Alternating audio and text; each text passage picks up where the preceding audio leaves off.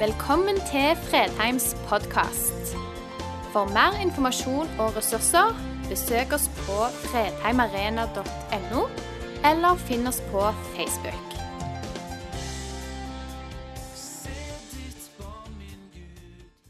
Og og temaet har vi kalt 'Elsk hverandre', og vi tar utgangspunkt i 1. Johannes brev som både tekstgrunnlag for eh, de, den tematikken vi tar opp.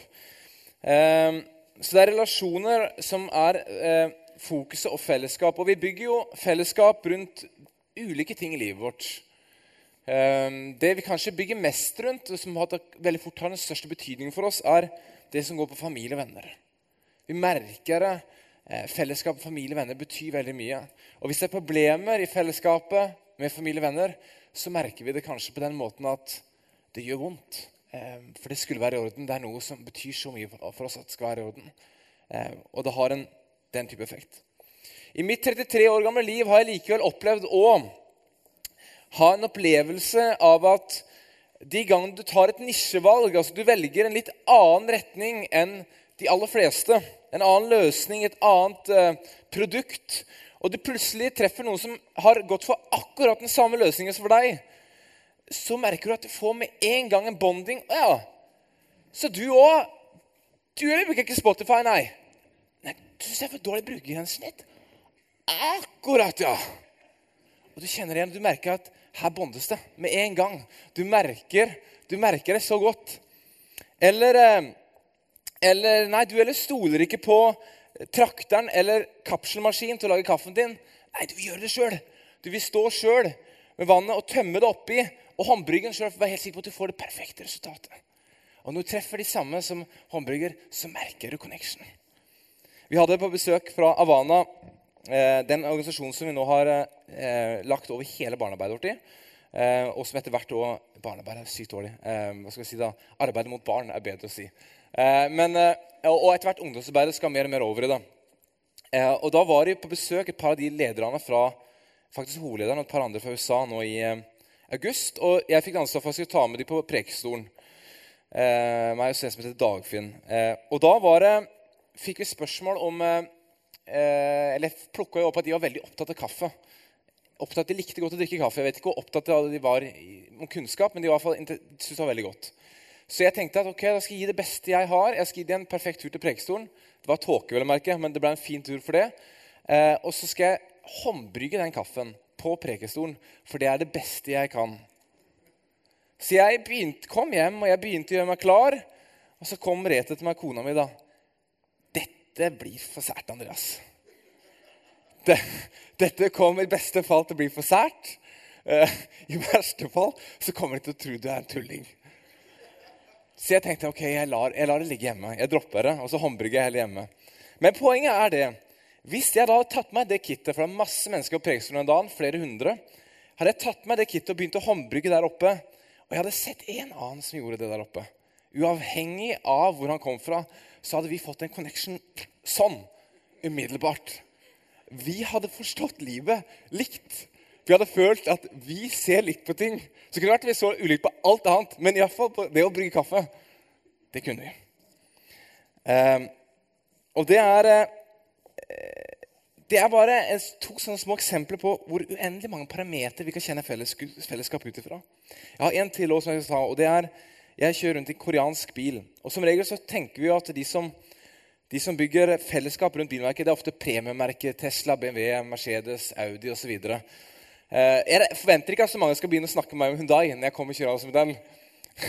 Men eh, når jeg var, vi var på vei til Skien en, eh, på sommeren, så stoppa vi ved Lyngdal til lunsj. Så plutselig parkerer han opp ved siden av meg som har den I30 og jeg har I40-en. Og du gikk for I40-en, ja, sier han. Fornøyd? Så jeg er kjempefornøyd. Lang garanti og er kjempefornøyd. Så spør han er du fornøyd.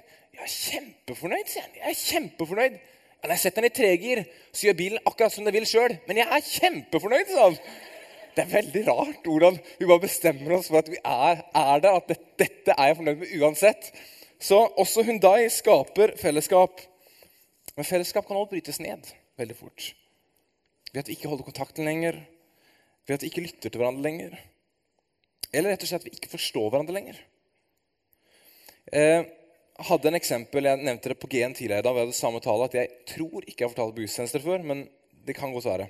Men en av de episodene jeg hadde på platekompaniet, jeg jobba der i studietida, eh, som er noe av det dummeste jeg har sagt ja, Det må være blant det dummeste ting jeg har sagt i mitt liv.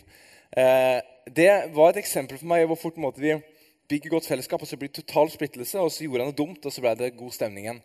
Eh, og det var rett og slett at vi, eh, det, det, kom en irsk mann inn som ville snakke om musikk og høre på musikk.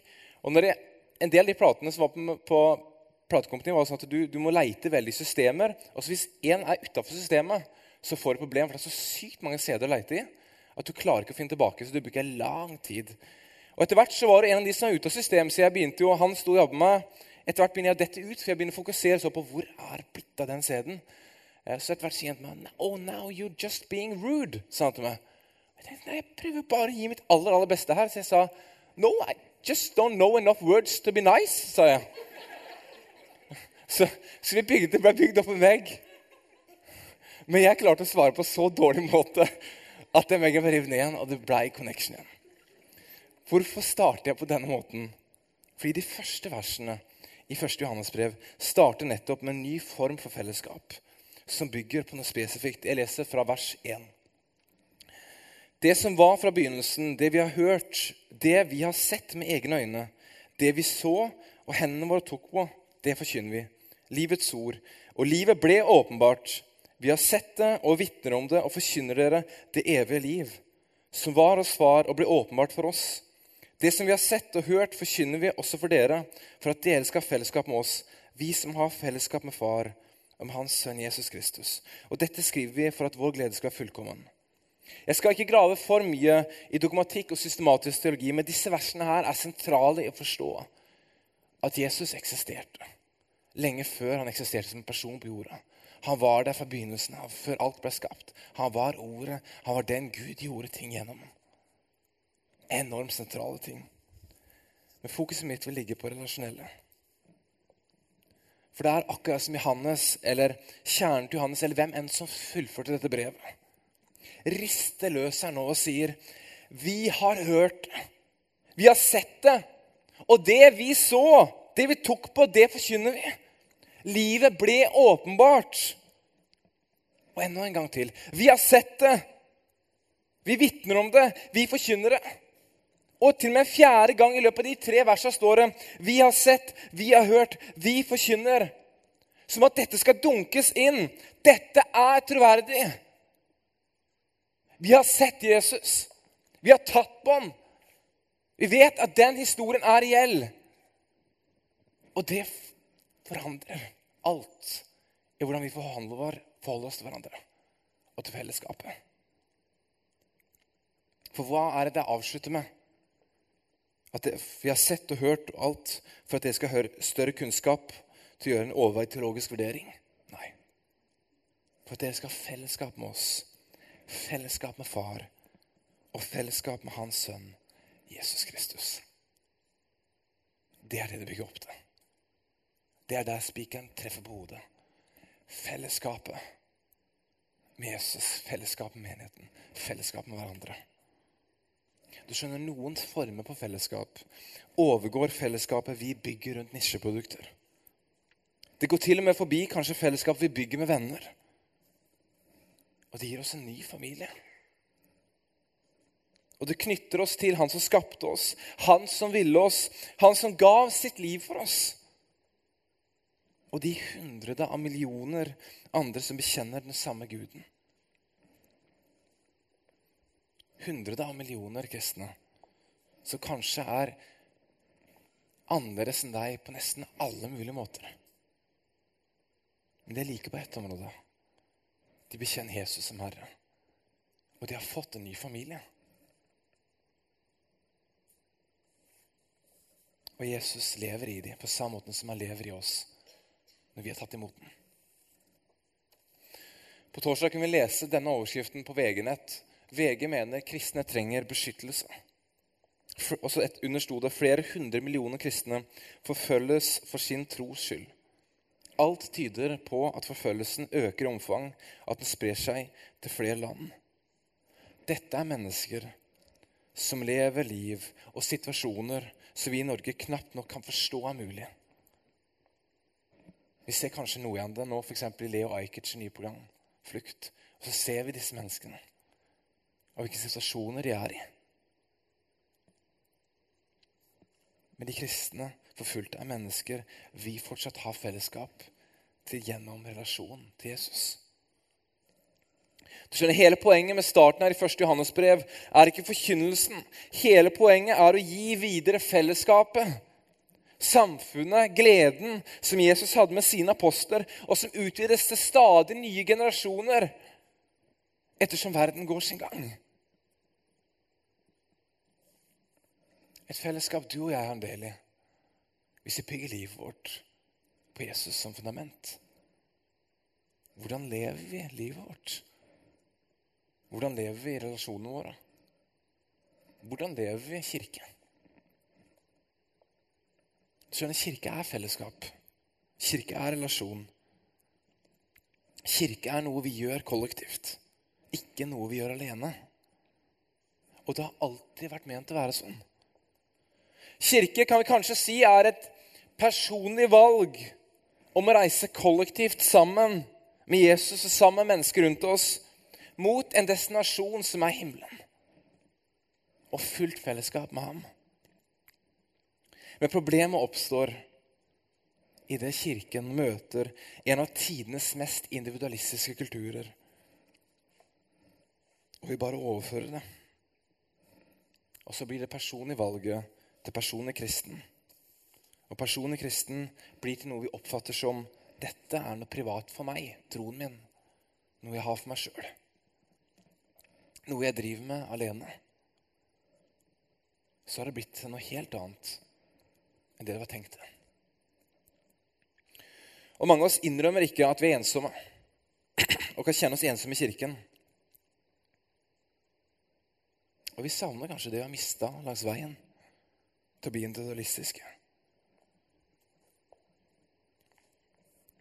Og Av en av grunn så får vi det også fort for oss at uh, menneskene rundt oss har så mye mer relasjoner og mye mer fellesskap enn en det jeg har. At vi vil ikke spørre dem. At hvis jeg spør vil dere være med hjem på kaffe, hjem på middag, så tenker vi det vil bare være en byrde for dem. Men jeg tipper det stemmer ikke for 95 95 tenker sannsynligvis akkurat sånn som du gjør. Skulle ønske jeg hadde mer relasjoner. Skulle ønske kirke var noe jeg gjorde mer i sammen med andre og levde tettere i sammen med andre. Og ikke hver for meg, hver for oss.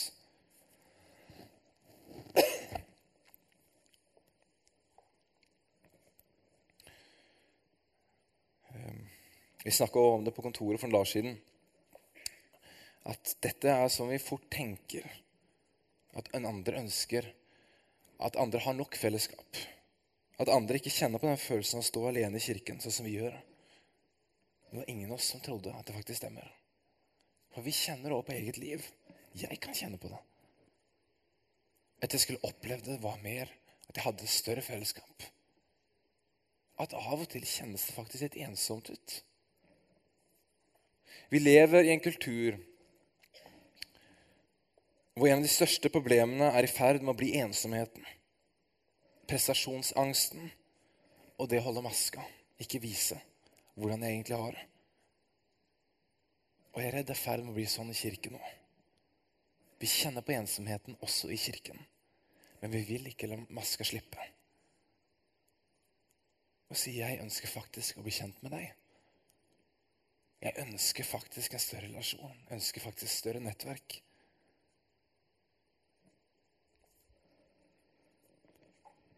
Som hvis vi er mottakere av den invitasjonen på middag, invitasjonen på kaffe Det er en fantastisk følelse å vite at noen ønsker faktisk å være med meg. De sendte meg melding, de ringte meg, de spurte meg vil du være med. Fordi de syns det er kjekt å være med meg. Og så vegrer vi oss. Av og til. Iallfall gjør jeg det. For jeg tenkte jeg skal ikke være til byrde for noen.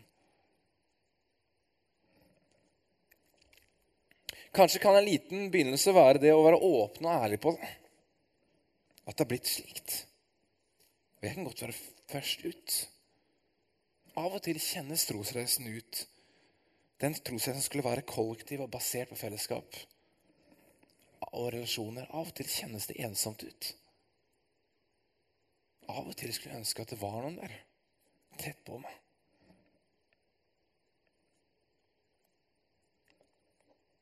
Kanskje kjenner du òg det sånn av og til. Kanskje kjenner du det sånn hele tiden. Eller kanskje kjenner du det sånn aldri. Eller kanskje har du sett, tatt det valget om at min trosreise kommer til å være et solorace. Jeg reiser alene. Og det har du som et skilt her, akkurat som de har når de tar flyet. Jeg reiser alene. Det var ikke morsomt. Jeg så akkurat Det kom et stort manus, så tenkte jeg tar den, men det var ikke morsomt. Jeg hørte det. Greit. Jeg så akkurat en tale eh, hvor taleren eh, mislikte så sterkt syklister og alle de som kler seg i sånne stramme lykkradrakter. altså Strammest mulig kompresjon. sånn. Så det er klart, meg og han var i ferd med å viste hverandre allerede der, for jeg elsker jo disse draktene. Jo strammere, jo bedre. Når jeg kjenner at blodårene strammer seg fordi at det er for lite plass, da kjenner jeg at jeg trives. Eh, men jeg hang likevel med litt til. Eh, og jeg likte poenget han kom fram med. Og det var jo hvilken turer liker jeg best, sa han. Er de turene hvor jeg har sykkelturen da, er det snakk om, er de turene hvor jeg har dresset meg opp, hvor jeg fryser, hvor jeg sykler fortest mulig fram og tilbake til et mål? Eller er det de turene hvor jeg kobler på denne? For min del nå som jeg er blitt en familiefar, så er det sikkert kanskje mer Det er ikke alle her som har familie, så det er ikke alle som har sånn ennå. Men en god del kommer til å få det etter hvert. Er det de turene jeg har den bakpå? Og bakpå der så er det, folk, er det små unger som synger. Snakker, spiser kjeks, drikker saft og gir meg kritikk for at bremsene mine høres ut som en flyalarm. Det er, de, det er jo de jeg husker. Det er jo de turene som gir inntrykk på meg når jeg tenker tilbake. Jeg husker ikke de turene hvor jeg ser ned i bakken og fortest mulig fram og tilbake til jobb. Og så vet jeg nå at her kommer jeg til å miste noen. For for noen så er sykling idrett og trening, og dere liker å ta det helt ut. Og for de vil ikke det bildet funke. Og heller ikke hvis du er introvert, og sykkelturen er da du virkelig får tid for deg sjøl. Så da må du overføre det bildet til et annet. Med den kirken så statueres i 1. Johannes brev og egentlig gjennom, he, altså gjennom hele brevet, er en kirke som er på reise som familie. De går på sykkelen sammen. Sannsynligvis har de ikke på seg lykra eller kompresjonstights. I så fall har de glemt å ta på tent. Men de kobler iallfall på sykkelvognen og setter en stappfullt mennesker. For de skal ha samme sted som familie. Og de skal være sammen på den turen. mot et mål som ikke kan sammenlignes med noe annet. Et samfunn med Jesus Kristus. En fullkommen glede så langt det er mulig i dette livet. Og de er på vei mot himmelen, der alt blir fullkomment. Også samfunnet og gleden. Av og til tror jeg vi er nødt til å stoppe opp litt. Og ikke bare kikke i bakken fullt fokusert på å nå et mål fram og tilbake. Og se rundt oss. Du skjønner, Kirken den er dynamisk det er et fellesskap opp mot Jesus, mot Gud. Og så er korset utover, horisontalt, mot mennesker rundt oss gjennom Jesu hender. Mot våre brødre og søstre, mot naboene våre, mot de som betyr noe for oss.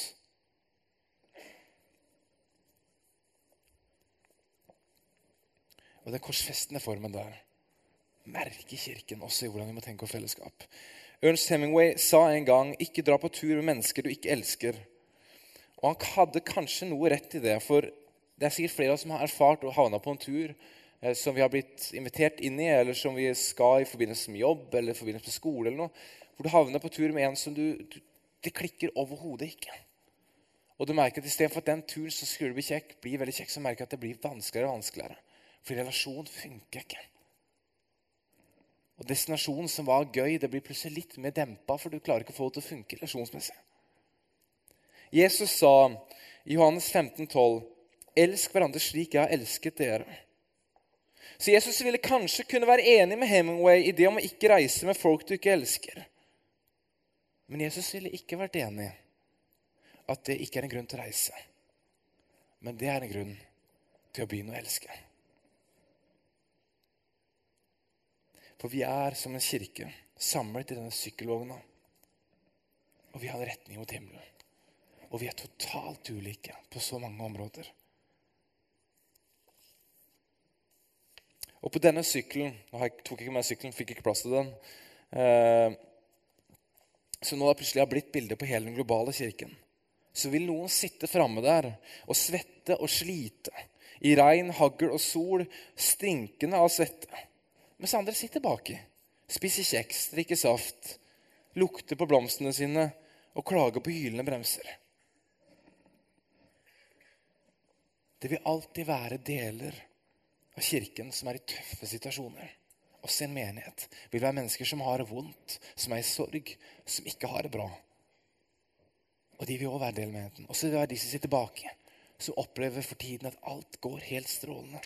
Livet er fantastisk. Men vi står sammen. Som kirke rommer vi alle. Og vi bærer hverandre. Vi bryr oss om hverandre.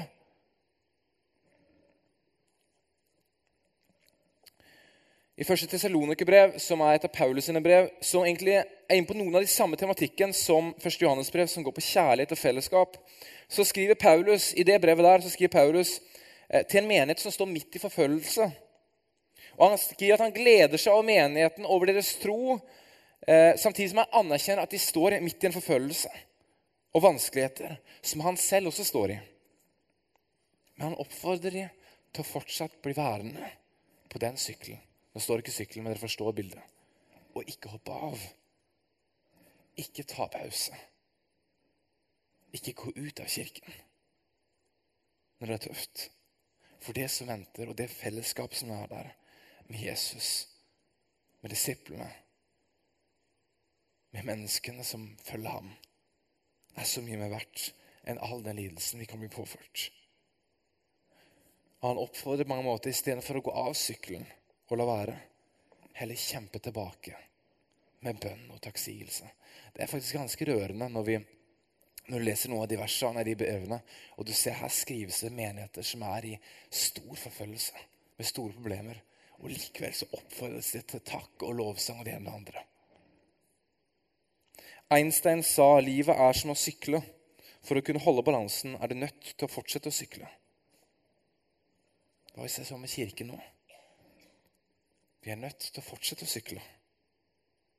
Og gjøre Kirken synlig og relevant for mennesker i nød for fellesskap. I behov for en tro og en Gud som har gitt sitt liv for hver og en av oss. Og så vil noen av oss sitte framme her og slite og kjenne at akkurat nå er det dødstøft. Mens andre vil sitte og lukte på blomstene sine baki her. Og kanskje forandrer det seg i løpet av noen år.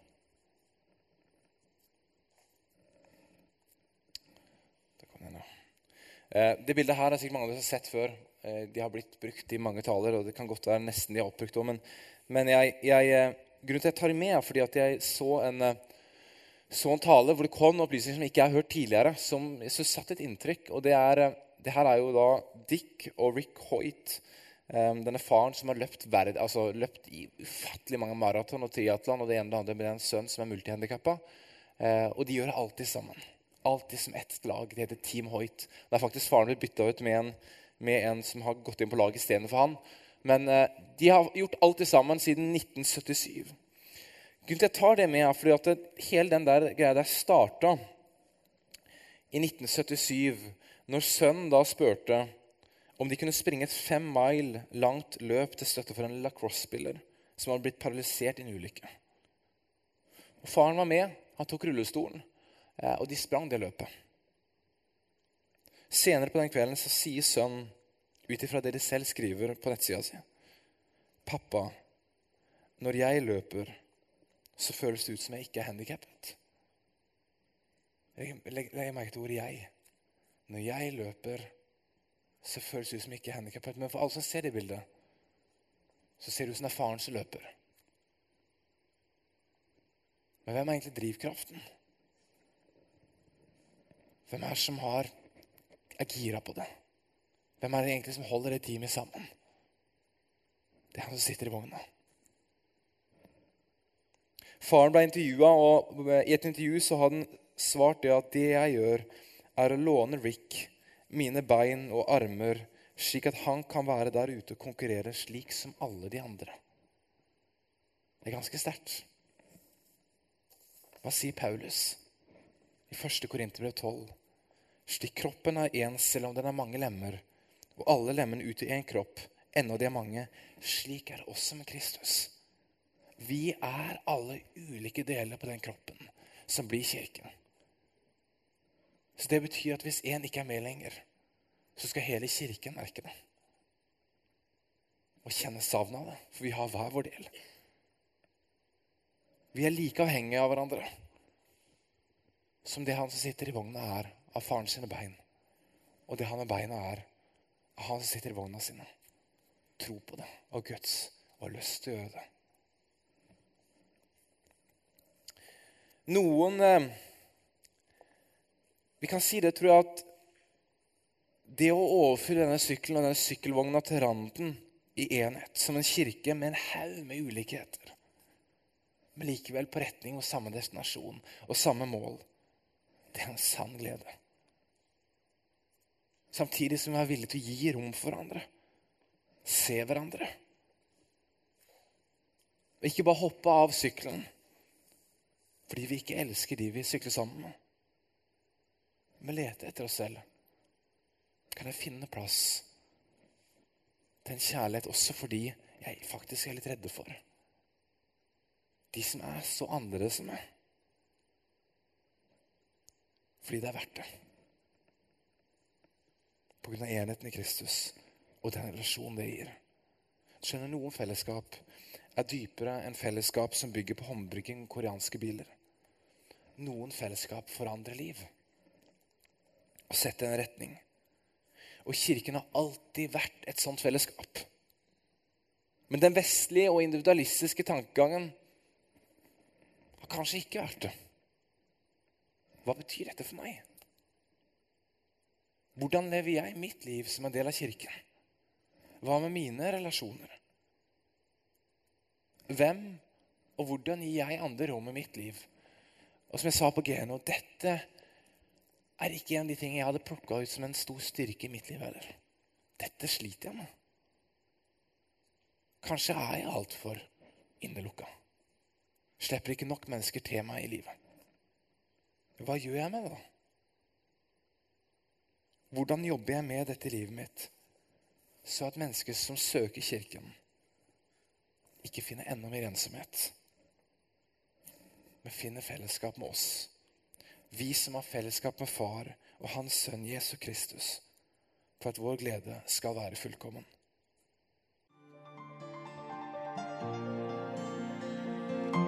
Takk for at du valgte å høre på. Nye opptak legges ut hver uke. Vi har gudstjenester hver helg, og du er hjertelig velkommen.